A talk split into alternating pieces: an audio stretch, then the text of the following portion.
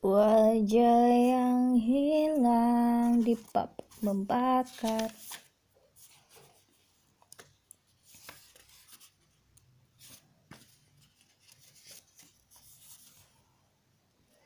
Malam padang bulan.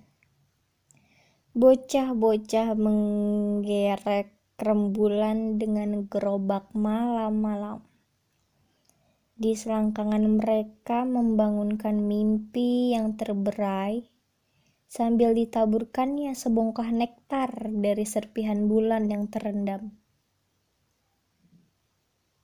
Astaga, kok agak ngeri gitu ngomongnya.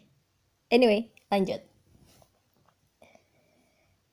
Selamat pesta bulan purnama. Sorak mereka menyorai kegembiraan.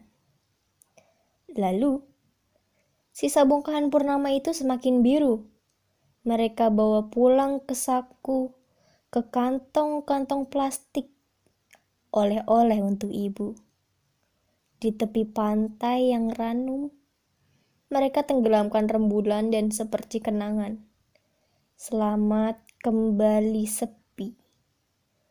Ucap mereka membanting malam.